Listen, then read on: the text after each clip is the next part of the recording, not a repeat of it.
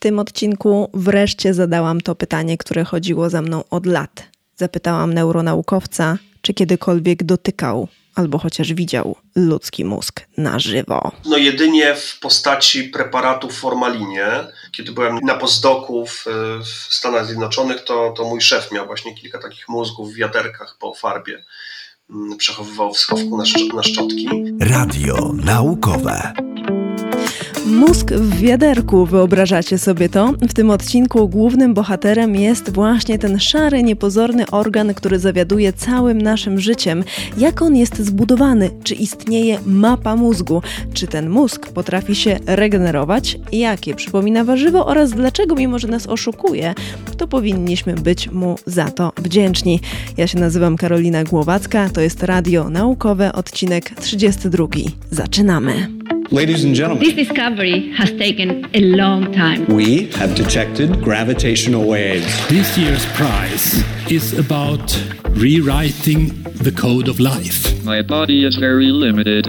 My mind is free to explore the universe. We are not making science for science. We are making science for the benefit of humanity. Radio naukowe. Łącz wiedzę. Dr Paweł Boguszewski, neuronaukowiec, Instytut Biologii Doświadczalnej imienia Marcelego Nęckiego Polskiej Akademii Nauk, znakomity, znany popularyzator. Dzień dobry. Dzień dobry. Popularyzatorzy dobry bardzo lubią metafory, dlatego zapytuję, czy mózg jest jak cebula?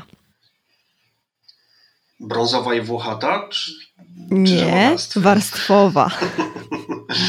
to oczywiście odniesienie do wspaniałego filmu. Tak, znaczy w pewnym sensie y, jak najbardziej, to znaczy możemy tą warstwowość y, mózgu rozpatrywać na wiele sposobów. Możemy właśnie patrzeć pod kątem y, tego, że mm, większość struktur, znaczy może nie tyle większość, ile te struktury, które są dla nas najważniejsze, takie jak kora, mają właśnie budowę warstwową, czyli że ta moc obliczeniowa tego tworu, którym jest kora nowa w mózgu ssaczym, ona właśnie powstała dzięki temu, że mamy pewnego rodzaju warstwową strukturę mm, z komórek i w obrębie tych warstw tworzą się specjalne połączenia poziome, czyli pomiędzy komórkami i pionowe w obrębie takich kolumn e, w korze, czyli to działa na zasadzie troszeczkę właśnie na takiej mm, budowie warstwowej, czyli tam są warstwy, dokładnie sześć warstw. E, ale również możemy na to popatrzeć e, w ten sposób, e, że mamy pewnego rodzaju takie logiczne warstwy, to znaczy pewne, pewne obszary mózgu wykonują bardziej, można powiedzieć, proste zadania, może tyle proste, ile no, bardzo istotne, ale nie angażujące ogromnych ilości E, przetwarzania informacji, tak jak utrzymanie naszego ciała przy życiu, czyli to będzie oczywiście pień mózgu. Na tym mamy kolejną warstwę, to są dodatkowe struktury, które pozwalają nam mm, zachować homeostazę, które wykorzystują te niższe struktury do rządzenia już konkretnymi efektorami, natomiast e, wprowadzają nowe możliwości czyli regulacji, czyli na przykład właśnie czyli równowagę organizmu, tak, taką homostazę bardziej rozszerzoną, Mm, I to są oczywiście struktury wzgórza pod wzgórza.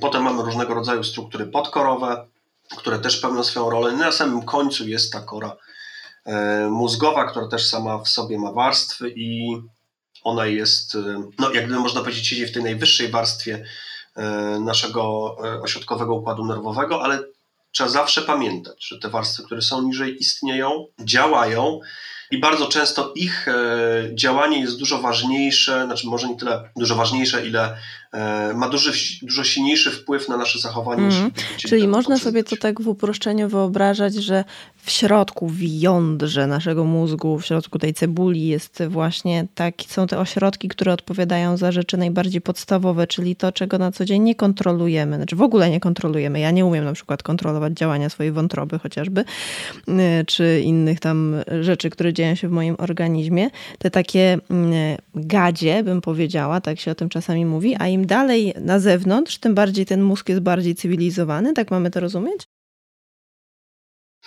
To jest pewnego rodzaju uproszczenie i metafora. E, ona się dokładnie wiąże chyba, to Macmillan taką miał właśnie rysunek, narysował taki właśnie mózg gadzi, mózg ssaczy i mózg naczelnych. I to miało właśnie obrazować jako takie trzy podstawowe źródła naszych mm, no, funkcji człowieka i że ten mózg gadzi to jest ten mózg wewnętrzny, który zajmuje się przede wszystkim właśnie e, bardzo prymitywnym, znaczy obsługą ciała, jak również też e, i obsługą chociażby emocji. E, I na to są nakładane kolejne warstwy. Jest to bardzo taka, można powiedzieć, zgrubna analogia. To nie jest ona specjalnie naukowa, natomiast jest to pewnego rodzaju mm, takie mm, nie bardzo mylne uproszczenie, o w ten sposób bym powiedział. Tak jeżeli mówimy o micie 10% działania mózgu, który jest całkowicie ale się trzyma, e, trzyma nieprawdziwy, się. no to to jest uproszczenie, ale się trzyma. No to w, to, w tym przypadku te, to takie odniesienie się do pewnego rodzaju mózgu gadziego czy mózgu ssaczego można obronić. To nie jest do końca nieprawidłowe. Mm, tylko tak jak mówię, trzeba pamiętać, że ten mózg cały czas jednak stanowi pewną integralną całość. To znaczy, powstanie tych wyższych pięter, czyli nawet piętra naszej kory e, takiej asocjacyjnej wyższego rzędu, w szczególności kory przedczołowej, e, nie powoduje, że te niższe piętra przestają działać. One cały czas e, funkcjonują, cały czas działają, cały czas wykonują swoje, swoje prace, chociażby mm, w przypadku narządów zmysłów mamy taki szlak, gdzie ta informacja, za wyjątkiem węchu, ona idzie poprzez wzgórze. Wzgórze jest tym starym obszarem mm, e, naszego mózgu, on byłby zaliczany właśnie do tego mózgu gadziego i już na tym etapie też pewne informacje są obrabiane, w sensie na przykład e, takim jak e, wyłuskiwanie pewnych zagrażających obrazów mm, czy dźwięków i do reakcji na te zagrażające obrazy, obrazy czy dźwięki nie potrzebujemy w ogóle kory mózgowej. To idzie już tym szlakiem właśnie tego mózgu w cudzysłowie gadziego. Także to wszystko cały czas działa i, i istnieje. Także można powiedzieć w pewnym sensie, że nasz mózg jest, e, jest warstwowy. No i to ta warstwowość też nie do końca, ponieważ e, jak popatrzymy sobie na mm, taki ewolucyjny rozwój e, mózgu u ssaków, a już w szczególności nawet rozszerzymy to na kręgowce, no to może ktoś pamięta tam jeszcze z biologii, że ten początek strunowców to on taki dosyć mało spektakularny, bo tam były takie stworki, które się nazywały osłonice. E, I te stworki to one takie, zawsze mnie to dziwiło, tam właśnie zawsze mówili, o to tam, tam z tyłu jest taka właśnie zaczątek struny, czyli to będzie z tego właśnie ten kręgosłup, stąd, stąd to będą te wszystkie kręgowce. E, natomiast samo to stworzonko to takie bardziej osiadłe, przypominało bardziej jakiś koralowiec. To ma być Natomiast, nasz przodek? Y, Przepraszam, już to mamy właśnie... przodek? O Boże, to ja, to ja nie tak, pamiętam osłonic, tak. muszę przyznać. Jestem, tro... Jestem oburzona, że mam coś wspólnego z nią. Możesz nie pamiętać, bo było to bardzo dawno. Natomiast y, y, mamy tutaj, jeżeli już zaczniemy od takich bardziej współczesnych kręgowców, czyli na przykład ryby, to zobaczymy wszystkie elementy mózgu e, czyli właśnie na przykład e, przodomózgowie, kresamózgowie, tyłomózgowie, czyli taki podział e, bardziej anatomiczny, móżdżek. Zobaczymy nawet u ryb, tylko że tam będą inne obszary rozwinięte. Ryby są w ogóle bardzo ciekawe i znacznie doceniane, ponieważ akurat gatunków ryb jest najwięcej z kręgowców jak również e, różnorodność właśnie pokroju, chociażby budowy mózgu też jest ogromna, bo mm, są gatunki ryb, które na przykład mają bardzo rozwinięty móżdżek. Ten móżdżek on przykrywa praktycznie całe mózgowie. E, to są bardzo inteligentne ryby, które nie pamiętam nazwy dokładnie gatunkowej, ale to są to są takie ryby, które opiekują się potomstwem i budują jakieś bardzo proste gniazda, mm, natomiast są dosyć, dosyć zaawansowane i u nich e, jak gdyby ta mądrość, ta, ta komplikacja układu nerwowego nie wynika z rozwoju kory mózgowej, tylko właśnie wynika z, mm, z rozwoju y, móżdżku. Być może tam się właśnie ta moc obliczeniowa e, schowała. Ale pokrój jest bardzo podobny i on raczej przypomina taki sznurek, to znaczy pewnego rodzaju liniową strukturę, gdzie na samym czubeczku e, nie jest e, kresomózgowie, czyli nasza kora mózgowa, tylko na samym czubeczku jest opuszka węchowa, czyli no, taka końcówka, z której wyrasta ten niby nerw czaszkowy, który kończy się opuszką węchową i to jest to miejsce, gdzie mm, neurony węchowe wchodzą do układu nerwowego. Dlatego właśnie już wspomniałem o tym, że e, narządy zmysłów idą przez wzgórze, za wyjątkiem węchu. Właśnie węch idzie od drugiej strony, idzie od, można powiedzieć, od czubka tej, tego, tej, tej piramidy naszego układu nerwowego. Mm, no i to węchomózgowie ono jest obecne też e, i u ryb, czyli jakby wszystkie te elementy mamy, tylko że one są w różnym stopniu rozwinięte. No i w przypadku oczywiście mm, e, już kręgowców ten mózg zaczyna troszeczkę taki być bardziej kulisty ze względów czysto praktycznych, E, no bo noszenie takiej długiej struktury byłoby niewygodne, w związku z tym on jest taki wciśnięty, więc te części tylnie, te części bliżej rdzenia kręgowego, one są wciśnięte i można powiedzieć tak obrośnięte półkulami mózgowymi. W związku z tym daje to taką warstwowość, czyli że mam na zewnątrz mamy właśnie korę, ta część najmądrzejsza, potem jest ta warstwa podkorowa, a w środku siedzi e, ta część e, pnia mózgu, E, łącznie z wzgórzem i podwzgórzem, która jest tą częścią taką e, bardziej prymitywną. A powiedz, czy jako neuronaukowiec to się zajmujesz mózgiem tak na sucho, czy czasami też na mokro? To znaczy, czy zdarzało ci się oglądać ludzki mózg tak bardzo dokładnie, dosłownie, tam dotykać palcem w rękawiczce, czy nie, macać tę galaretowatą substancję? Ludzki mózg no jedynie w postaci preparatu formalinie, kiedy byłem na, na postdoku w, w Stanach Zjednoczonych, to, to mój szef miał właśnie kilka takich mózgów w wiaderkach po farbie. Mm, przechowywał w schowku na, szcz na szczotki y, w celach A właśnie poważnie teraz mówisz? Naprawdę? Tak, tak, tak, tak, tak. Myślałam, że w jakichś słoikach takich eleganckich. Znaczy, no, nie, to nie, nie były to specjalnie eleganckie słoiki, to wyglądało jak wiaderko. Znaczy to może było specjalne wiaderko, ale wyglądało jak wiaderko po farbie. No może to było specjalne wiaderko po farbie. E, natomiast akurat e, niestety nie miałem okolic, okoliczności e, oglądania żywego ludzkiego mózgu, takiego na przykład śródoperacyjnego. Powiem szczerze, no, chciałbym coś takiego kiedyś zobaczyć, ale no wiadomo, jest to rzecz, która nie powinna być zbyt szeroko dostępna, no i nie jest jakby koniecznością dla, dla mnie.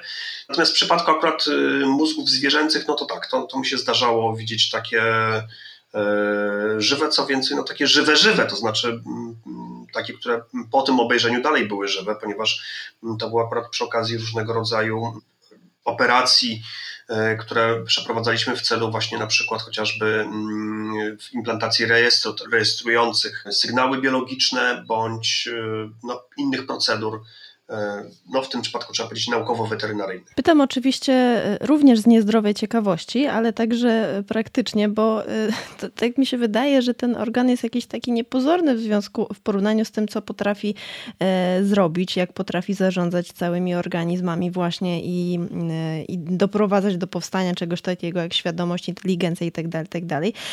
Ale właśnie pytałam cię o to, czy mogłeś oglądać jakoś dokładnie ten mózg, bo zastanawiam się, czy jakoś na nim widać, że są pewne obszary, które zajmują się jednym albo drugim. Mówiłaś o tych warstwach, czy to jest jakoś właśnie dostrzegalne, e, w, kiedy się tak patrzy po prostu e, z zewnątrz na ten mózg. I w tym łączy się też pytanie mm, takie, czy te mapki e, mózgów, które można znajdować w internecie, że ten obszar zajmuje się tym, nie wiem, tam czytaniem, ten zajmuje się mm, mówieniem, rozumieniem mowy albo generowaniem mowy. Czy te mapki w ogóle mają coś wspólnego z rzeczywistością i czy na przykład widać granice właśnie na mózgu zarysowane? Bardzo jest niepozorny, to znaczy nic nie widać. Nic nie widać, y, że jest to rzeczywiście coś, co jest y, co nas tworzy i tworzy inteligencję zwierząt. Egipcjanie podejrzewali już bardzo dawno temu, ponieważ jest taki tak zwany papirus Edwina Smitha, który podobno ma wiedzę sprzed 5000 lat i tam już był opis taki medyczny przypadków, łącznie właśnie z przypadkami, gdzie um, kiedy e, żołnierz miał uszkodzenie, na przykład miał niedowład kończyny, a był po uderzeniu w głowę, to oni łączyli te dwa ze sobą fakty, to znaczy właśnie, że uszkodzenie mózgu może prowadzić do mm, efektów, które działają w jakichkolwiek innych obszarach e, e, ciała, mm, no to uznaje się za taki jeden z pierwszych traktatów, który rzeczywiście oddawał należną cześć mózgowi i w ogóle był takim tekstem bardzo medycznym. Tam nie było praktycznie żadnej żadnej magii. W przypadku akurat uszkodzeń głowy zwykle był krótki komentarz, że nic nie możemy zrobić. Jest to uszkodzenie mózgu. I potem ta historia mózgu była dosyć burzliwa, ponieważ chociażby Arystoteles uważał, że w ogóle mózg jest nieważny, że tak naprawdę cały nasz umysł i nasze emocje siedzą sobie w sercu, które jest fajne, ciepłe, milutkie, chociaż no nie wiem, jak on to patrzył na to, to serce, że ono jest takie cieplutkie. E, Szczerze mówiąc, mnie się wydaje dość obrzydliwe, Dokładnie. takie łopoczące coś. Natomiast e, no, mózg jedynie uznawał za coś, co służy do jakiegoś tam chłodzenia organizmu i coś, co zupełnie jest zbyteczne. Hipokrates na szczęście się z nim nie zgadzał. W związku z tym widzimy, że już nawet e, od dawien dawna ten mózg nie zawsze był podkreślany jak, jako ten, to, to siedlisko naszego umysłu. E, w związku z tym. No bo to może być trochę takie, wiesz, taki zawód można odczuwać. Dlaczego uznać, dobra, to serce też nie wygląda jakoś fajnie, ale tak, nie wiem, powiedzmy jest jakiś potężniejszy, o to jest mięsień solidny, nie?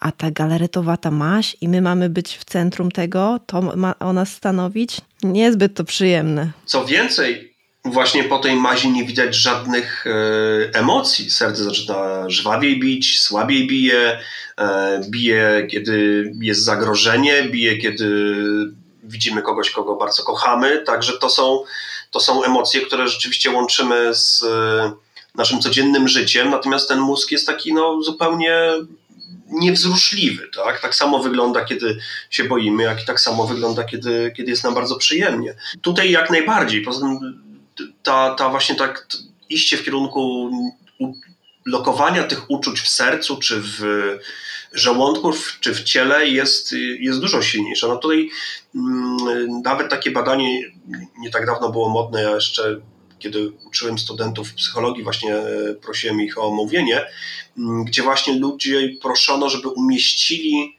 narysowali, gdzie odczuwają na swoim ciele mm, pewnego rodzaju uczucia, pewnego rodzaju emocje. E, jeżeli chodziło właśnie o lokalizację różnego rodzaju uczuć, emocji, no to to było całe ciało. W przypadku na przykład wstydu to była twarz, ale właśnie nie mózg. Czyli ten mózg jednak jest czymś, co jest e, takim urządzeniem sterującym, ale całkowicie, całkowicie nieczułym. No on jest w ogóle nieczuły, ponieważ jest pozbawiony receptorów bólowych mm, i liczne operacje, tak zwane wybudzeniowe, gdzie w trakcie operacji budzi się pacjenta i on musi wykonać pewne czynności. O tym za chwileczkę powiemy, bo to jest właśnie metoda na znalezienie, gdzie co działa w mózgu. E, no, takie operacje można robić, wtedy znieczulenie jedynie obejmuje lokalne znieczulenie czaszki i skóry, natomiast sam mózg jest, e, jest nieczuły.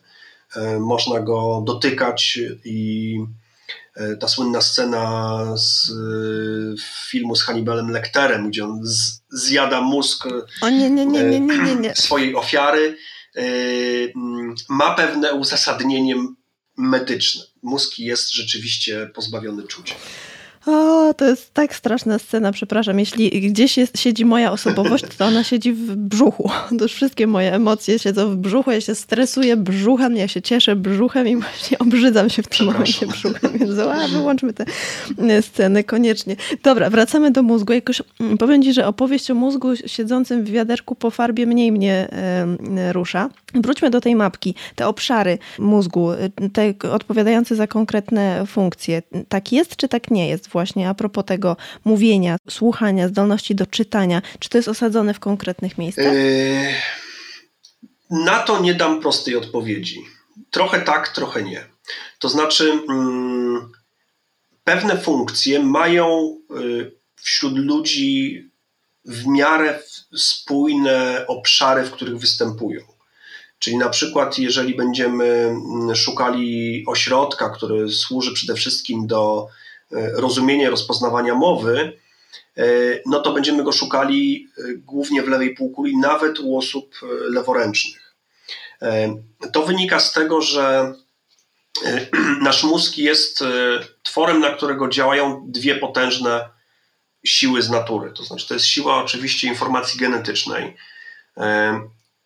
a z drugiej strony siła współpracy z środowiskiem. Przy czym ta współpraca ze środowiskiem jest bardzo szeroko rozumiana. To nie tylko chodzi o to, o nasze wychowanie, ale to jest cała interakcja chemiczna, czyli obecność substancji toksycznych, odżywczych, y, wszystko to, tak, co... Tak, wiemy, że smog jest na przykład problemem teraz. Mhm. Tak, w związku z tym y, nawet, y, co więcej, rozwój układu nerwowego, czyli to, w jaki sposób ten narząd się tworzy, idzie to według pewnego schematu genetycznego, ale jest pewnego rodzaju troszeczkę takim procesem mm, darwinizmu, to znaczy neurony muszą utworzyć e, funkcjonalne połączenia, bo inaczej są usuwane. Mm, e, I nie zawsze ten, te same neurony uzyskają tą samą ilość połączeń. Jeżeli nawet weźmiemy sobie bliźnięta jednojajowe o całkowicie idealnie zgodnym genomie, to ich mózgi już na etapie rozwoju prenatalnego, nawet zanim jeszcze ta ogromna ilość informacji zacznie je kształtować i, i pozwalać y, im na dojrzewanie, to one już y, będą inaczej troszeczkę połączone, nie będą dokładnie takie same.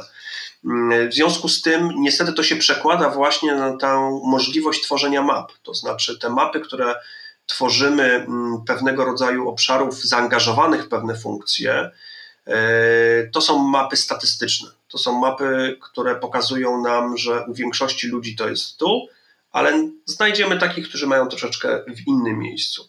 Mm, w związku z tym y, ta przynależność pewnej funkcji do konkretnej lokalizacji też zależy właśnie od tego, czy ta funkcja jest y, mm, bardziej taką funkcją elastyczną, którą się, której się uczymy, czy jest funkcją niskopoziomową. Tutaj możemy wrócić do tego obrazu mm, tych warstw i tego mózgu starego, e, tego, który zajmuje się bardzo podstawowymi rzeczami i tego mózgu, który jest e, bardziej, e, można powiedzieć, takim open space'em. I w przypadku tych struktur głębokich, to znaczy struktur podkorowych, mm, jak również właśnie struktur pnia mózgu, wzgórza, podwzgórza, tam ta determinacja lokalizacji jest bardzo ścisła. To znaczy, jeżeli anatomicznie wezmę czyjś mózg, poroję na plasterki, to mogę znaleźć na przykład ciało migdałowate. Mm, całkowicie na obrazie, tylko i wyłącznie na podstawie gęstości komórek e, wybarwionych w odpowiedni sposób. E, I wiedząc na przykład, które części e, odpowiadają za co, mogę dokładnie zlokalizować funkcję, czyli dokładnie na przykład jądro centralne będzie tym takim wyjściem z ciała migdałowatego i ja wiem dokładnie, że uszkodzenie na przykład upośledza pewnego rodzaju reakcje emocjonalne. Tutaj nie mamy żadnej, żadnego problemu z lokalizacją. Mm, wiemy, że to tam jest. E, tutaj mapowanie jest jak najbardziej, jak najbardziej słuszne. To jeszcze ma większe, znaczy większą taką ścisłość anatomiczną w przypadku tych struktur e, związanych z pniem mózgu, ponieważ e, to są te struktury, które rozwijają się najwcześniej. Mm, to są te struktury, które są konieczne do funkcjonowania całego ciała i ich lokalizacja jest ściśle określona genetycznie. E, natomiast jeżeli się przesuwamy w kierunku właśnie kresomózgowia, w szczególności kory mózgowej, to ta kora mózgowa, będąc e, właśnie pewnego rodzaju e, płaszczyzną warstwową, ona ma zróżnicowanie, ale jest troszeczkę bardziej taki, takim open space'em, w którym możemy pewne miejsca blokować na bardzo, bardzo, bardzo, bardzo długo, albo praktycznie na zawsze, jeżeli funkcja nie znika, ale one nie są ściśle anatomicznie wydzielone. Kiedy na przykład e, tracimy wejście danej sensoryki, one mogą być zaangażowane do innych, e, do innych celów. Na przykład kora wzrokowa albo kora słuchowa. Nasz układ słuchowy, on jest, mm, no, jest bardzo skomplikowany, bo on wykonuje nie tylko tę funkcję, którą właśnie Państwo robią, czyli słuchanie skomplikowanych dźwięków mowy ludzkiej, ale też pozwala nam e, słyszeć skąd dobiega dźwięk e, e, i dzięki temu nawigować się w przestrzeni. I do takiej audiolokalizacji jest bardzo potrzebna mm, precyzyjne, jest bardzo potrzebne precyzyjne porównywanie tak zwanego przesunięcia fazowego dźwięków pomiędzy jednym a drugim uchem. I kora nie nadaje się do tego, ponieważ nim ten sygnał dojdzie do kory przez wiele synaps, jest opóźniony a co więcej, do takiej prostej lokalizacji już dawno jest po, po ptokach, tak? Znaczy za długo to trwa. W związku z tym na poziomie pnia mózgu, kiedy te mm, sygnały z, ze ślimaka wchodzą, tam już są porównywane prawy z lewym uchem, dzięki temu ta audiolokalizacja jest bardzo precyzyjna. Czyli możemy Natomiast... mieć refleks, bo tak to byśmy żyli jak w wiecznym zoomingu, to co teraz mamy przecież, te opóźnienia właśnie, to wyobraźmy No to sobie, się, to się wszystko rozjeżdża, ponieważ e, żeby świadomie ten dźwięk usłyszeć, to ten, ta świadomość jednak jest później opóźniona, to znaczy te elementy składowe, y, czy obrazu, czy dźwięku, one są potem sztucznie nam składane, żeby, żeby nam się wydawały spójne. A, czyli ciało szybciej mi zareaguje, zestresuje się na przykład, nie wiem, usłyszę klakson, powiedzmy prowadząc samochód, usłyszę ten klakson i się zestresuje, nie? A to tak, tak, tak, bo akurat w przypadku układu słuchowego mamy dokładnie też to odejście od wzgórza, które idzie do ciała migdałowatego. W związku z tym, jeżeli na przykład mieliśmy kiedyś jakąś traumę związaną z klaksonem, to ten dźwięk klaksonu oczywiście nas wbudzi, od razu wzbudzi przerażenie, nawet jeżeli usłyszymy go bardzo słabo, do naszej świadomości może to nie dotrzeć, że jakiś taki dźwięk usłyszeliśmy. Także to jest ta, ta warstwowość. Natomiast wracając do y, tej głównej myśli y, tego open space'u, gdzie mamy pewne dedykowane miejsca, ale one cały czas zachowują pewną elastyczność, to to jest to, że na przykład jeżeli mamy mm, dziecko, które urodzi się niesłyszące, na przykład z powodu uszkodzenia, na przykład z powodu uszkodzenia y, ślimaka, to jego układ neuronów, który biegnie z pnia mózgu do tak zwanej pierwszorzędowej kory słuchowej, jest już zbudowany. On nigdy nie prze będzie przewodził sygnałów, on nigdy nie będzie funkcjonalnie skuteczny, ponieważ nie ma skąd brać tych sygnałów, natomiast już jest przygotowany jako taki szlak gotowy do przetwarzania informacji. Natomiast później już w korze e, te kolejne właśnie mm, elementy tego szlaku przetwarzania sygnału, one i tutaj trzeba powiedzieć jasno, nie mamy do końca pełnej informacji, ponieważ nie są to rzeczy łatwe do badania, mm, ale one najprawdopodobniej są w pewien sposób przygotowane mm, genetycznie do bycia połączonym z tą korą pierwszorzędową, natomiast w przypadku braku sygnałów po prostu inne funkcje przejmą te lokalizacje. W związku z tym, o ile na tych niskich piętrach, właśnie pnia mózgu, możemy dokładnie wskazać, że to są konkretne, w przypadku akurat tych głębokich elementów, my to nazywamy jądrami, bo to są takie skupiska komórek, zatopione w, w białych, białej tkance łączącej, czyli e, istocie białej. E, I dokładnie możemy wskazać, gdzie one są i co one robią. O tyle właśnie już później, kiedy przejdziemy do kory mózgowej, tam nie do końca możemy powiązać lokalizację z funkcją. I tak jak mówię, jest to statystyczne. Czyli e, wiemy o tym, że w korze potylicznej nad samą szyją mamy tą pierwszorzędową korę wzrokową i u ludzi w większości, znaczy praktycznie u wszystkich ludzi tam ona jest.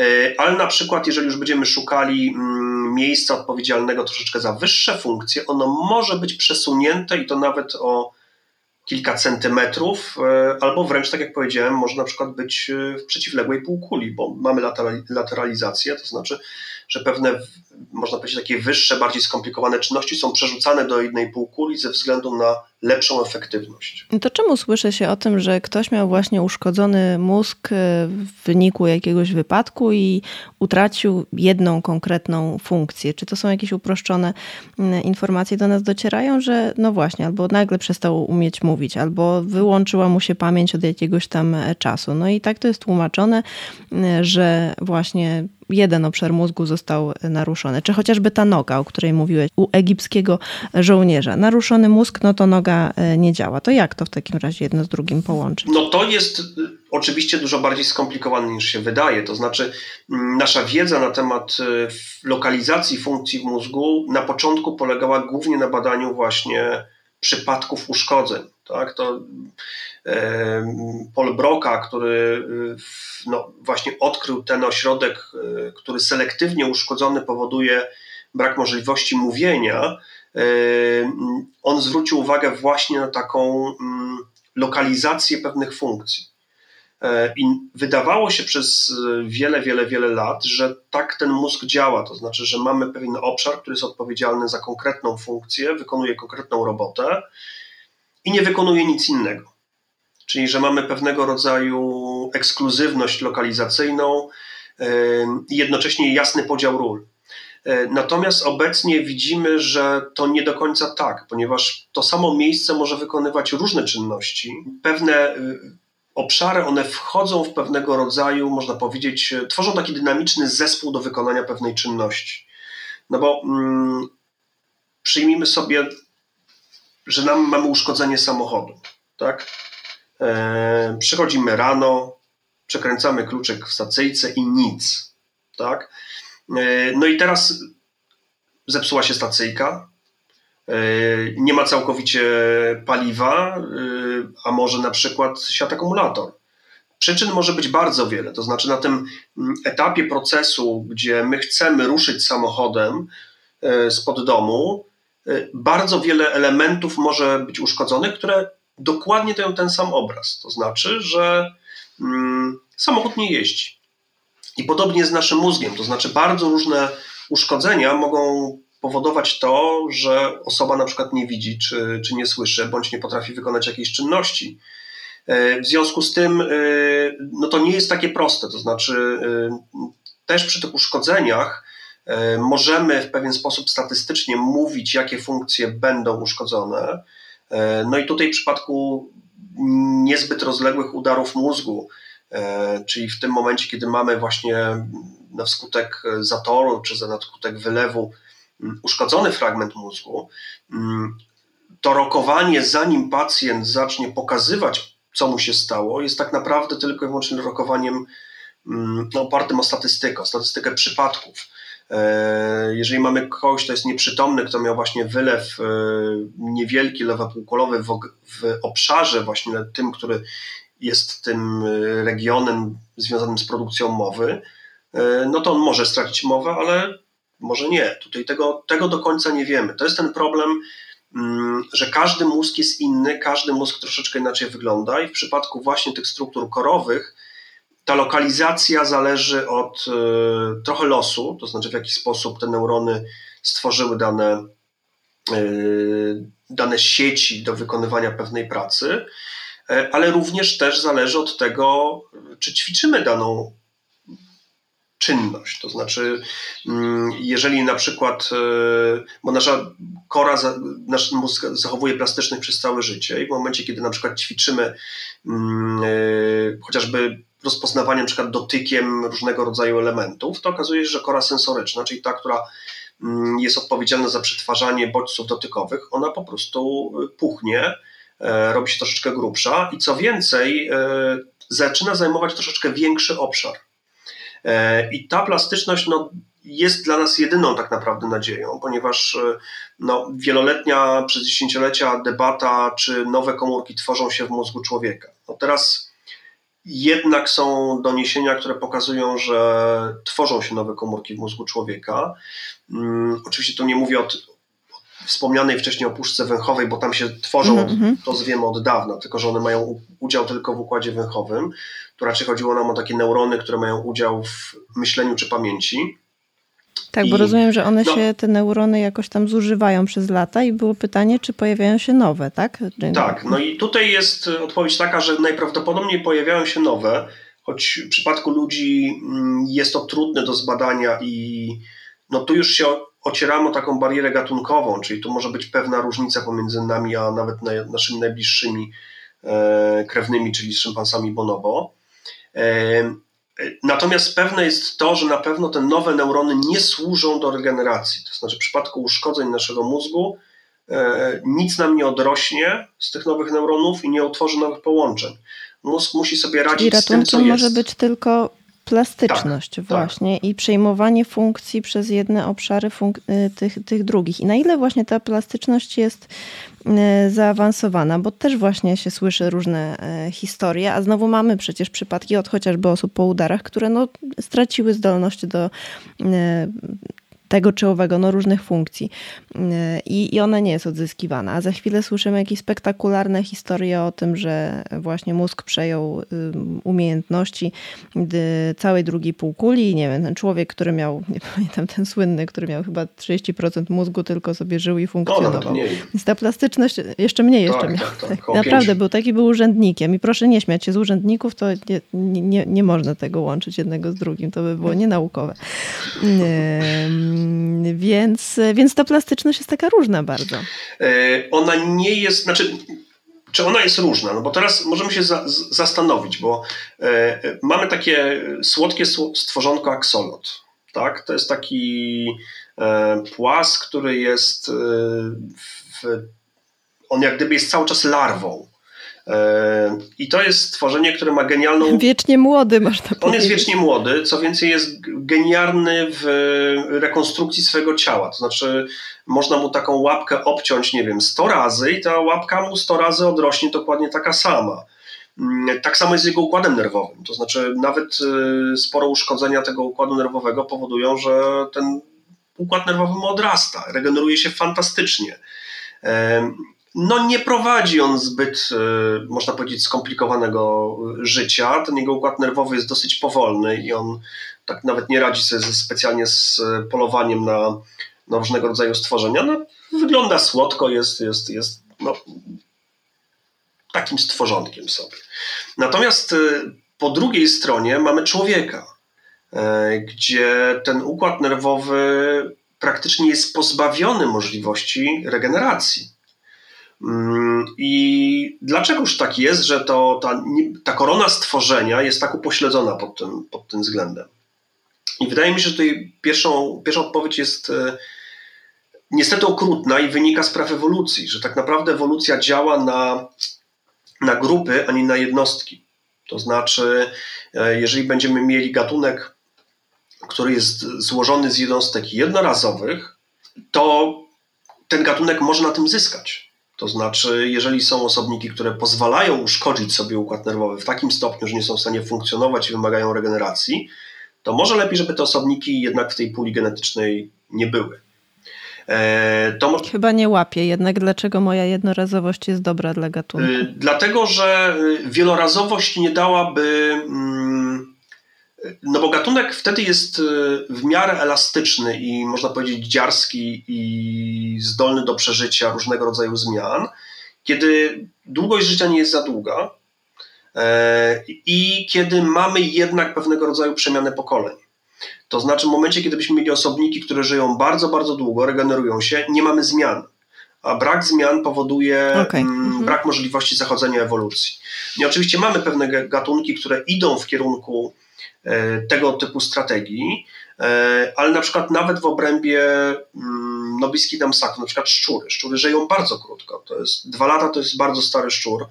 Mm, osiągają gotowość do rozmnażania po jakichś trzech miesiącach e, i to powoduje, że są strasznie ekspansywnym i takim, można powiedzieć, elastycznym gatunkiem.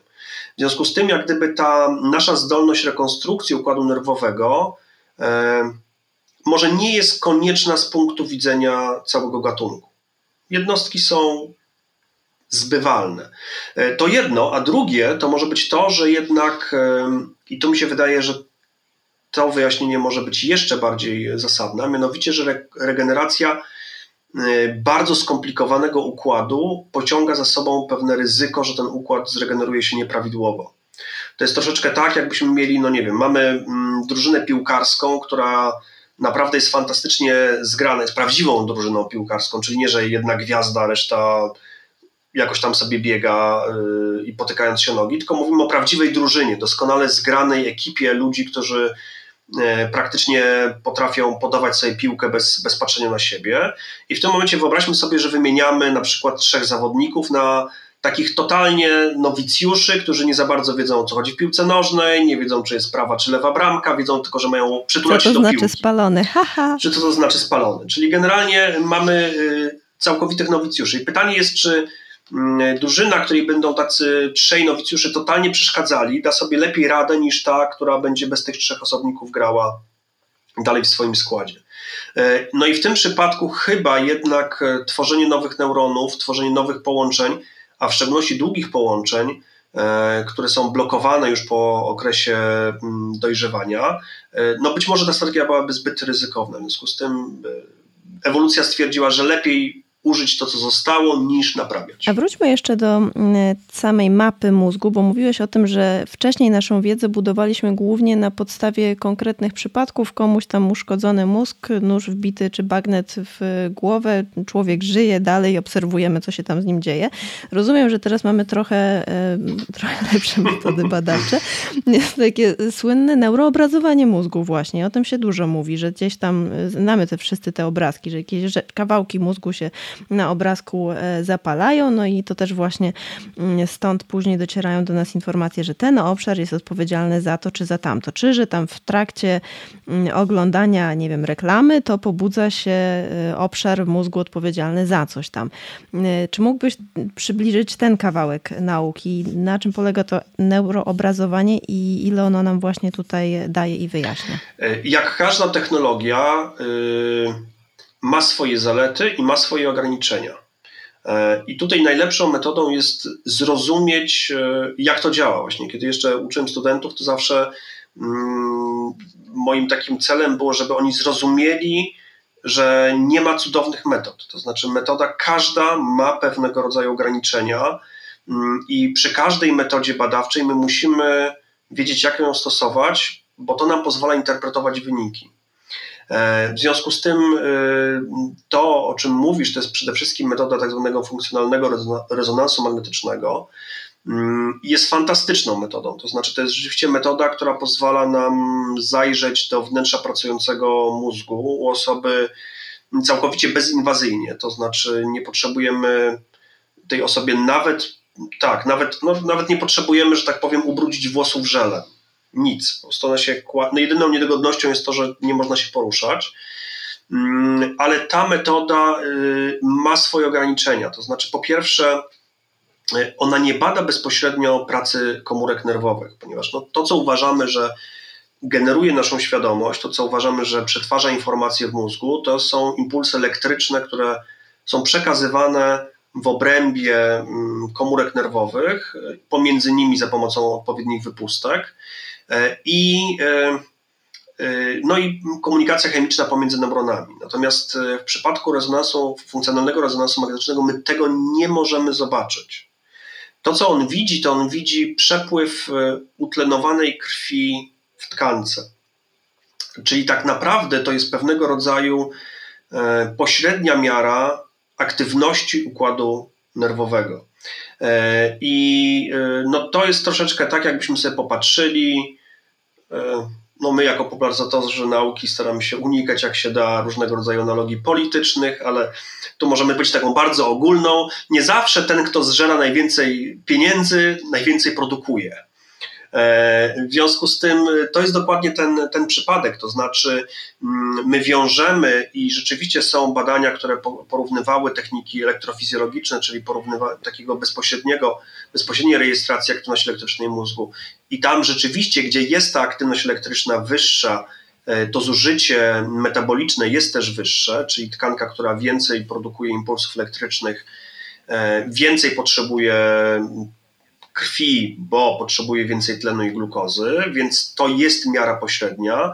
Natomiast tak czy inaczej, dalej e, tu pozostaje ten otwarty, otwarte dwie kwestie. Jedna to jest kwestia taka, że nie zawsze ta intensywna mm, działalność elektryczna przekłada się na funkcję, to znaczy nie zawsze silnie pracująca tkanka jest tkanką, która jest efektywna. Tu najlepszy przypadek jest chociażby e, z jednego ze słynniejszych pierwszych właśnie zastosowań fMRI, gdzie badano e, arcy, arcymistrzów szachowych i wydawało się, że arcymistrz szachowy to po prostu tam w tej głowie powinno kipieć, tak? Mózg działa na najwyższych obrotach, jest dokładnie odwrotnie. Im człowiek jest doskonalszy w jakiejś funkcji, im jego neurony mhm. lepiej przetwarzają informacje, tym mniej zużywa energii i mniej potrzebuje do tego impulsów elektrycznych. Czyli tak naprawdę w przypadku aktywności wysokiej zwykle mamy do czynności, mamy, mamy mm, czynność, którą się po prostu musimy męczyć. Natomiast drugą, drugim takim ograniczeniem tej metody Tak, tak, tak. Czyli na przykład jak się czegoś uczymy, może tak być, nie? Jak się, jeśli na przykład ktoś jak usiłuje pokonać Tutaj tego mistrza e, szachowego, to on będzie dużo bardziej mają wyższą aktywność e, w mózgu niż osoby zaawansowane. No to też jest związane troszeczkę, to za chwileczkę o tym powiemy, o takim świadomym, nieświadomym przetwarzaniu sygnału. Natomiast wracając jeszcze do samej metody, e, czyli ta metoda, tak jak powiedziałem, ona nie bada bezpośrednio tego, jak mózg przetwarza informacje, tylko jak tkanka mózgowa zżera mm, zasoby.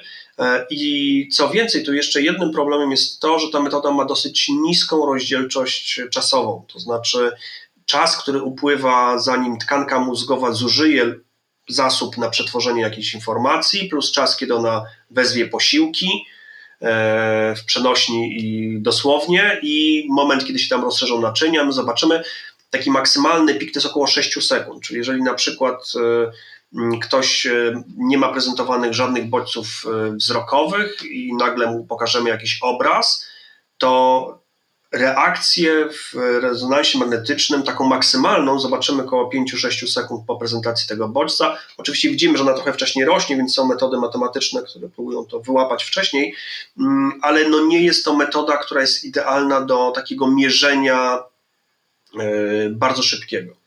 E, co więcej, e, no ta aktywność naszego mózgu też się zmienia mm, spontanicznie. W związku z tym odsianie ziarna od plew nie jest, nie jest zawsze proste i no, były różnego rodzaju kontrowersje, tak zwany słynny martwy łosoś, który wykazywał aktywność w skanerze fMRI, E, co pokazywało na no, taką niedoskonałość metod statystycznych uży, użytych przy wykrywaniu mm, właśnie znaczących różnic w przepływie krwi albo w, w ogóle w metabolizmie w tym przypadku tkankowi. To, to dokładnie była taka praca, która krytykowała mm, pewnego rodzaju e, no, metodologię statystyczną już w wykrywaniu tego sygnału. Także no nie jest to prosta sprawa. W związku z tym tutaj możemy właśnie przejść do, tej, do tych, e, co powiedzieliśmy o tych operacjach, tak? Czyli czy mm, skąd to się bierze, że mamy teraz taki fajny zalew filmików, gdzie mamy operację, głowa otwarta, mózg na wierzchu, a pacjent gra na saksofonie, albo gra na skrzypcach, albo gra na gitarze. Dla... Po co to? Tak? Po to, że tak naprawdę, znaczy te operacje się wykonuje wtedy, kiedy potrzebujemy śródoperacyjnie zweryfikować właśnie lokalizację funkcji bardzo precyzyjnie u danej osoby. I y, polega to na tym, że kiedy już się otworzy pole operacyjne, a wykonuje się te operacje głównie w przypadku usunięcia guzów, y, guzów mózgu, y, w szczególności takich, które lokalizują się w pobliżu ważnych e, miejsc, które są zaangażowane w ważne funkcje, jak właśnie na przykład mowa, czy, czy w przypadku muzyków e, e, możliwość produkcji i rozumienia, rozumienia dźwięku. I następnie, na przykład, kiedy się opracowywuje strategię chirurgiczną, jak się dostać do guza, czyli na przykład, jeżeli to jest guz, który jest umiejscowiony zaraz pod korą, no to chirurg może na kilka sposobów się dobrać do tego miejsca i tam wrazić odpowiednią ssawkę i wyssać ten, ten, ten guz, czy go wyciąć. No i trzeba wiedzieć dokładnie, którędy wejść, żeby jak najmniej funkcji uszkodzić. I wtedy się robi tak zwaną operację wybudzeniową, czyli pacjent jest e, budzony. Powierzchnia kory mózgowej mm, jest drażniona za pomocą prądu elektrycznego. Kiedy podrażnimy obszary czuciowe, to pacjent mówi, że poczuł dotyk bądź jakieś wrażenie w pewnej części swojego ciała. Kiedy podrażnimy mm, E, obszary ruchowe, to na przykład pacjent zupełnie bezwolnie poruszy jakąś częścią ciała, kończyną, czy, czy tam ręką, czy nogą. E, a jeżeli podrażnimy na przykład obszary związane z mową, to pacjent przestanie potrafić mówić albo nie będzie rozpoznawał obrazów. Mm, w związku z tym, dzięki temu, e, na parę sekund, dzięki temu możemy właśnie bardzo precyzyjnie wymapować, e, które obszary są najbardziej istotne, na przykład właśnie dla przetwarzania mowy, czy dla produkcji mowy, mm, bądź na przykład rozumienie, czy, czy mm, właśnie, właśnie dźwięku.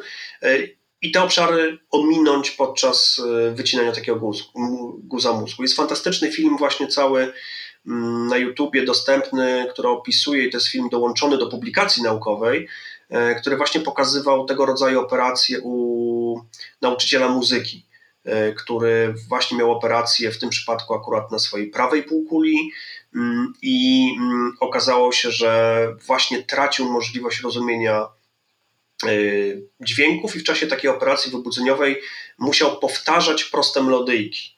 E, I no to był cały taki fajny, zaangażowany system nawigacji trójwymiarowej, gdzie ta elektroda była dokładnie pozycjonowana, czyli można było bardzo szybko określić i przełożyć sobie na mapę e, mózgu, w których lokalizacjach drażnienie prądem powodowało, że on najprostszych melodii nie był w stanie e, powtórzyć. No i dzięki temu ta operacja została przeprowadzona tak, że uratowano jego zdolności muzyczne. Więc w związku z tym to widać, że to lokalizacja tak jak powiedziałem na początku, ona jest w pewnym sensie zdeterminowana statystycznie,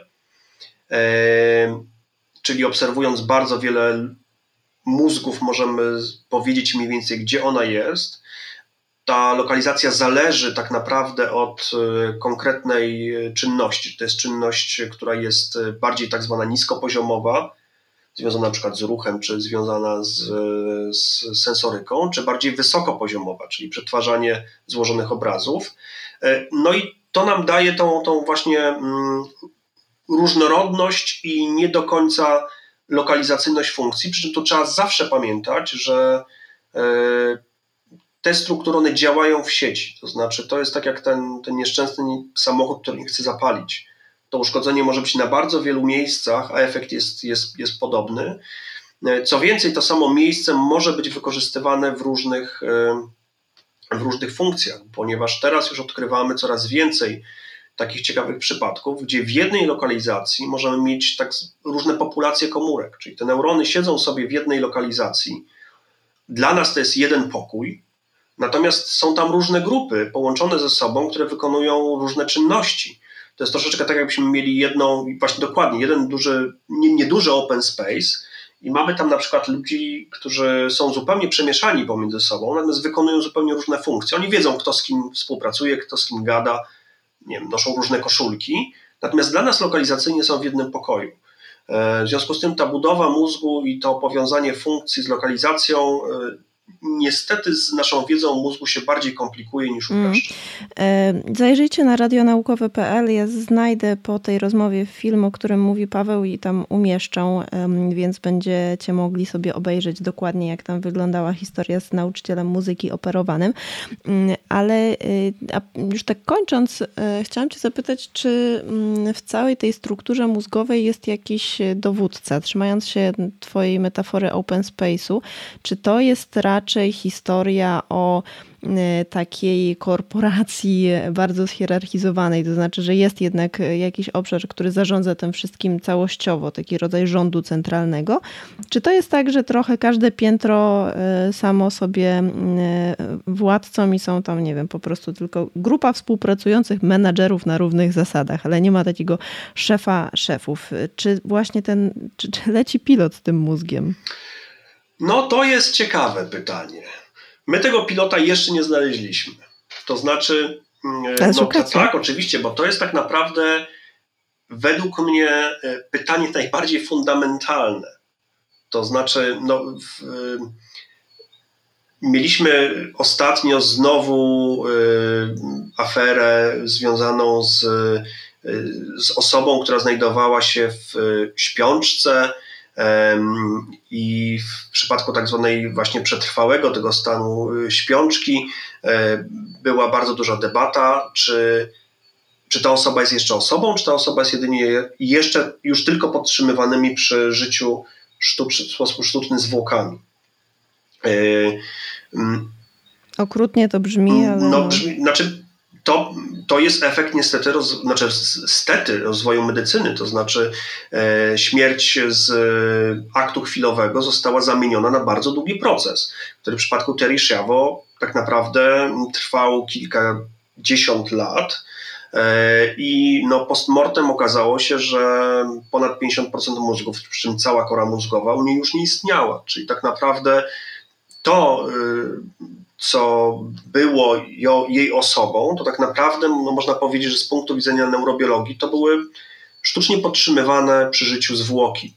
ponieważ kory mózgowe już tam nie było i te struktury podkorowe też były uszkodzone. To, co zostało, to był pień mózgu, który właśnie zajmował się tym, czym się zajmuje pień mózgu, to znaczy pewnego rodzaju automatyzmem, a ten automatyzm może być całkiem złożony, ponieważ takie odruchy jak kaszlenie, jak tak jak już powiedziałem, to chociażby na, nawet zwrócenie e, oczu czy, czy, czy, czy, czy próba zwrócenia głowy w kierunku bodźca może być też automatyzmem, który jest zlokalizowany w pniu mózgu, na który nie ma wpływu e, kora mózgowa.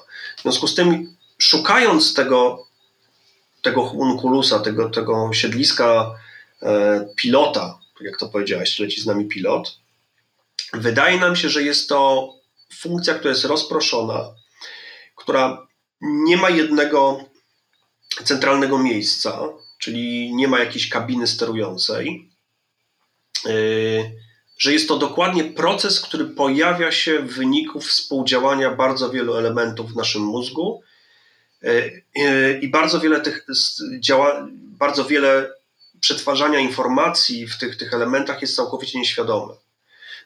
Czyli ta nasza świadomość jest, jest jak gdyby posadzona na takim e, no troszeczkę tworze, który żyje sam sobą. E, no to są dosyć ciekawe i bardzo aktualne pytania, ponieważ e, to są pytania chociażby właśnie mm, czym jest ta ludzka świadomość, skąd ona się bierze, czy jest to świadomość, która jest całkowicie tylko i wyłącznie unikalna dla ludzi, czy jednak zwierzęta mają tego rodzaju świadomość, bądź mają równorzędną świadomość, tylko że trochę inną. No muszą mieć przecież tę świadomość. No to mi się wydaje, przepraszam, ale ja trochę. Ale, a ta osłonica. No, no nie wiem, nie wiem, jak jest osłonicą, ale ja szczerze mówiąc już trochę tracę cierpliwość do tych dyskusji. O, czy zwierzęta mają świadomość? Mają! Jak mój pies jest znudzony, to jest znudzony i widzę, że jest znudzony. Nikt mi nie będzie opowiadał, że o, tutaj instynktownie, co on jest instynktownie znudzony? Instynktownie ziewa i się przytula. Wiesz, o co mi chodzi? Że wydaje mi się, że jednak czasami ta nauka tak, ja rozumiem, z czego to się bierze, bo to musi być oparte na dowodach, musi być bardzo precyzyjna i tak dalej, i tak dalej, ale czasami jest tak, że ta nauka goni za tym, co my już trochę wiemy właśnie, szczególnie jeśli chodzi o, e, o zwierzęta. Znaczy, nie, to, że zwierzęta mają pewną formę świadomości, to w ogóle nie ulega e, żadnej, żadnej dyskusji. Znaczy mają, e, ponieważ jeżeli mówimy o różnych rodzajach, formach świadomości, na przykład świadomość właśnie taką sensoryczną przetwarzania bodźców z otoczenia i wykonywania pewnych czynności, to to nawet proste zwierzęta coś takiego posiadają. Oczywiście tu są pewnego rodzaju mm, poziomy, w związku z tym no, mówienie na przykład, że te zwierzęta są bardziej świadome, te mniej świadome, myślę, że ma sens, ponieważ możemy to jakoś wiązać e, a z komplikacją układu nerwowego, b z e, tak naprawdę repertuarem tego, co one mogą zrobić.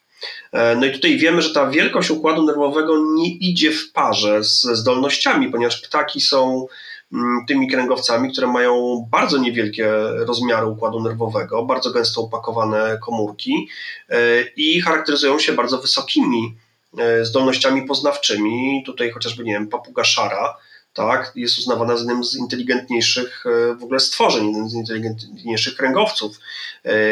Sroki są z ptakami, które przechodzą test lustra bez żadnego uczenia, czyli mamy niewielkie mózgi, które potrafią bardzo, bardzo wiele.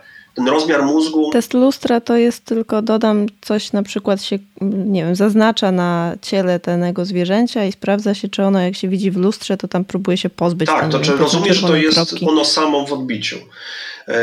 W związku z tym y, te, ta inteligencja, czy właśnie świadomość zwierząt, y, tutaj nauka absolutnie nie, nie mówi, że jej nie ma, natomiast cały czas nie wiemy do końca ani jak ją zmierzyć, ani jak ją przepasować do tej, do tej inteligencji, do świadomości ludzkiej, mm, jak również nie, jeszcze nie wiemy, jaka jest e, źródło tej unikalności naszej świadomości e, jako człowieka. W związku z tym to są ciekawe pytania, które no, mają swoje jeszcze dalsze rozszerzenie, no bo jest to pytanie, czy sztuczna inteligencja będzie kiedyś tak inteligentna jak my. Mm, I tutaj mogę z góry powiedzieć, że nawet są obecnie takie dwie konkurencyjne mm, teorie. Mm, y, teraz właśnie ukazała się niedawno publikacja, y, gdzie zespoły, które są takimi dwoma zespołami, które są głównymi można powiedzieć, takimi teoretycznymi think które propagują właśnie te dwie teorie. One spróbują opracować wspólny zestaw doświadczeń, który to zestaw doświadczeń miałby powiedzieć właśnie, która z nich jest prawdziwa. Jedna z nich e, opiera się na takim przeświadczeniu, że tak naprawdę świadomość jest pewnego rodzaju procesem obliczeniowym i czy on będzie sobie zachodził w naszej mokrej tkance naszej głowy czy w komputerze, to nie ma znaczenia, że ten proces obliczeniowy możemy uruchomić na innym hardware'ze. E, druga to jest teoria tak zwanego globalnego obszaru obliczeniowego. Druga teoria, która jest y, y, teorią zintegrowanej informacji, mówi, że nie, że nie do końca, że my musimy mieć połączenie tego hardware'u z, e, z naszą świadomością, czyli e, jeżeli zmienimy układ tego biologicznego komputera, to tak naprawdę zmieniamy świadomość. Ona jest powiązana jasno ze swoją strukturą. Jedna i druga teoria. No i to też świadomość może istnieć bez ciała. Tak, i, no znaczy to akurat tutaj to to jest też bardzo ciekawe, ponieważ e, mm, właśnie teraz e, parę dni temu widziałem taki wywiad z Christopherem Kochem, który jest naukowcem zajmującym się właśnie zagadnieniem świadomości, jednym z takich no, obecnie najbardziej znanych. On jest właśnie takim orędownikiem tej teorii zintegrowanej informacji ale jednocześnie jest troszeczkę wyznawcą tak zwanego e, panpsychizmu, to znaczy, że wszystko ma jakąś, jakiś poziom świadomości, że ta świadomość jest jakby wbudowana w naturę e, naszej wszechrzeczy. No i on mówi, że tak naprawdę pewnego rodzaju dużym problemem jest to, mm, jest pojęcie wolnej woli, to znaczy jaka jest e, połączenie pomiędzy naszą świadomością, wolną wolą, a właśnie tkanką, aktywnością tkanki. Ponieważ jeżeli się patrzy na właśnie różnego rodzaju metody obrazowania, takiego dosyć szybszego, to mm, widać ewidentnie, że możemy przewidzieć, co zrobi dana osoba, badając aktywność jej mózgu, zanim ta osoba czuje, że chce to zrobić. Zanim uświadomi sobie, że czuje, że chce to zrobić. Tak, tak, tak, tak, tak. Był taki słynny eksperyment y, Libeta, który prosił swoje, mm, swoje osoby badane, żeby wcisnęły przycisk w momencie, kiedy wskazówka wskazuje na takim kręcącym się szybko stoperze pewną godzinę, to osoby same wybierały ten moment, kiedy chciały wcisnąć. E, natomiast okazało się, że kiedy on mierzył ich EEG, e to mógł wyłapać w korze przedruchowej, czyli takiej, która przygotowywuje ruch mm, do wykonania, y, mógł to wyłapać mniej więcej na, 30, na pół sekundy przed tym, jak ta osoba mówiła, że że właśnie miała wolę wciśnięcia przycisku. To masa e, czasu, te pół sekundy. Tak, to jest, to, jest, to jest duże, tak, to jest tam kilkaset milisekund. E, no i to był taki pierwszy eksperyment, który pokazał, że mm, jest pewnego rodzaju albo problem z, z takim wyrównywaniem czasowym tego, co nasza świadomość odbiera. E, to jest jeden problem i to wiemy na przykład z układów sensorycznych, że na przykład ruch, kolor i kształt jest przetwarzany w różnych szlakach i w różnym tempie. E, I to, że nam się nie rozjeżdża, nie rozjeżdżają te elementy obrazu, to jest właśnie kwestia taka, że układ wzrokowy czeka na ten najwolniejszy element i z tego składa obraz. E, no i nam prezentuje piękny, zgrabny obraz rzeczywistości. E, no i to jest, co już wiemy, bo mm, nasz układ nerwowy cały czas próbkuje rzeczywistość. Na przykład każde... My nic nie widzimy na własne oczy, tylko nie, to, co nie. nam mózg przetwarza i prezentuje. Ale komu nam? Kim jesteśmy? Na przykład prędkość naszych, naszego układu nerwowego nie jest jakaś imponująca. E, w związku z tym na przykład wrażenie dotykowe, które biegnie z twarzy, e, przybiega szybciej niż na przykład wrażenie dotykowe z opuszka palca. Jeżeli na przykład skubniemy się w czubek nosa, to sygnał, który biegnie z nosa, ma krótszą drogę do przejścia do układu sensorycznego niż sygnał z opuszków palców. My mamy wrażenie jednorazowości, jednoczesności, ponieważ e, mózg wykonuje pewną kompensację, wiedząc czego się spodziewać. I my cały czas dostosowujemy nasz układ nerwowy do, do tych opóźnień, na przykład jeżeli nawet pukamy w coś, to wiedząc, że w coś pukamy, mm, mamy wrażenie dotykowe z naszych opuszków palców, mamy wolę naszego pukania, a jednocześnie dochodzi z opóźnieniem sygnał dźwiękowy, bo dźwięk dosyć wolno się rozchodzi w powietrzu. W związku z tym nasz układ nerwowy cały czas kompensuje sobie te, te opóźnienia. To są fajne doświadczenia, gdzie można właśnie ludziom rozsynchronizować te, te, te opóźnienia. Natomiast większym problemem z tego libeta y, doświadczeniem było to, na które coraz nie ma odpowiedzi, jest kto generuje ten sygnał, który jest te paręset milisekund przed naszą wolną. Skąd się to bierze? E, no i na to nie mam odpowiedzi. No tośmy dobrnęli w takim razie teraz do w zasadzie wielkiego nowego tematu, ale drugiej godziny dyskusji nie będę teraz otwierać. Na pewno do tego wrócimy. Dowiedziałam się dzisiaj, że jestem jednorazowa. Niby zawsze to wiedziałam, ale jakoś to stwierdzenie cały czas mi w głowie to zostanie na jakiś e, czas. Dobrze, dobrze, trzeba znać swoje miejsce w, e, w szeregu przyrody, ale właśnie też ta sprawa tego, gdzie jesteśmy my w naszym mózgu, oj, to jest temat, ale to my, może kiedyś bym zrobiła debatę taką? Byłbyś, nie? Z filozofem, pogadalibyśmy. Bardzo chętnie. No to macie obiecane, drodzy słuchacze i drogie słuchaczki Radia Naukowego, jak będą okoliczności lepsze, pandemiczne, żeby pogadać e, na spokojnie w szerszym gronie na ten temat, na pewno to zrobimy. A tymczasem bardzo dziękuję dr Paweł Boguszewski, neuronaukowiec Instytutu Biologii Doświadczalnej imienia Marcelego Nęckiego Polskiej Akademii Nauk. Dziękuję. Dziękuję bardzo. Radio Naukowe. Włącz wiedzę.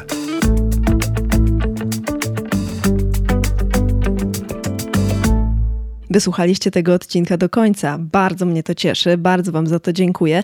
Mam nadzieję, że dobrze się bawiliście. Dajcie znać e, proszę w komentarzu w mediach społecznościowych Radia Naukowego. Wyślijcie mi jakiś uśmiech, dajcie znać w mailu na adres e, kontakt małpa radionaukowe.pl. Jeśli Wam się podobało, to może pokażcie znajomym, polećcie znajomym, a jeśli możecie, to e, możecie mnie również wesprzeć w serwisie Patronite, patronite.pl ukośnik Tam od progu 10 zł zapraszam do grupy na Facebooku, gdzie sobie prywatnie o radiu naukowym rozmawiamy. Wrzucam tam zapowiedzi odcinków, proszę o pytania do kolejnych odcinków, zbieram pomysły od moich szanownych patronek i patronów i wrzucam też różne insiderskie zdjęcia, e, kulisy powstawania podcastu. Bardzo polecam i zachęcam do pozostania z radiem naukowym. Trzymajcie się. To był podcast Radio Naukowe. Więcej znajdziesz na stronie radionaukowe.pl oraz na profilach na Facebooku i Instagramie. Bądźmy w kontakcie. Dobrego dnia!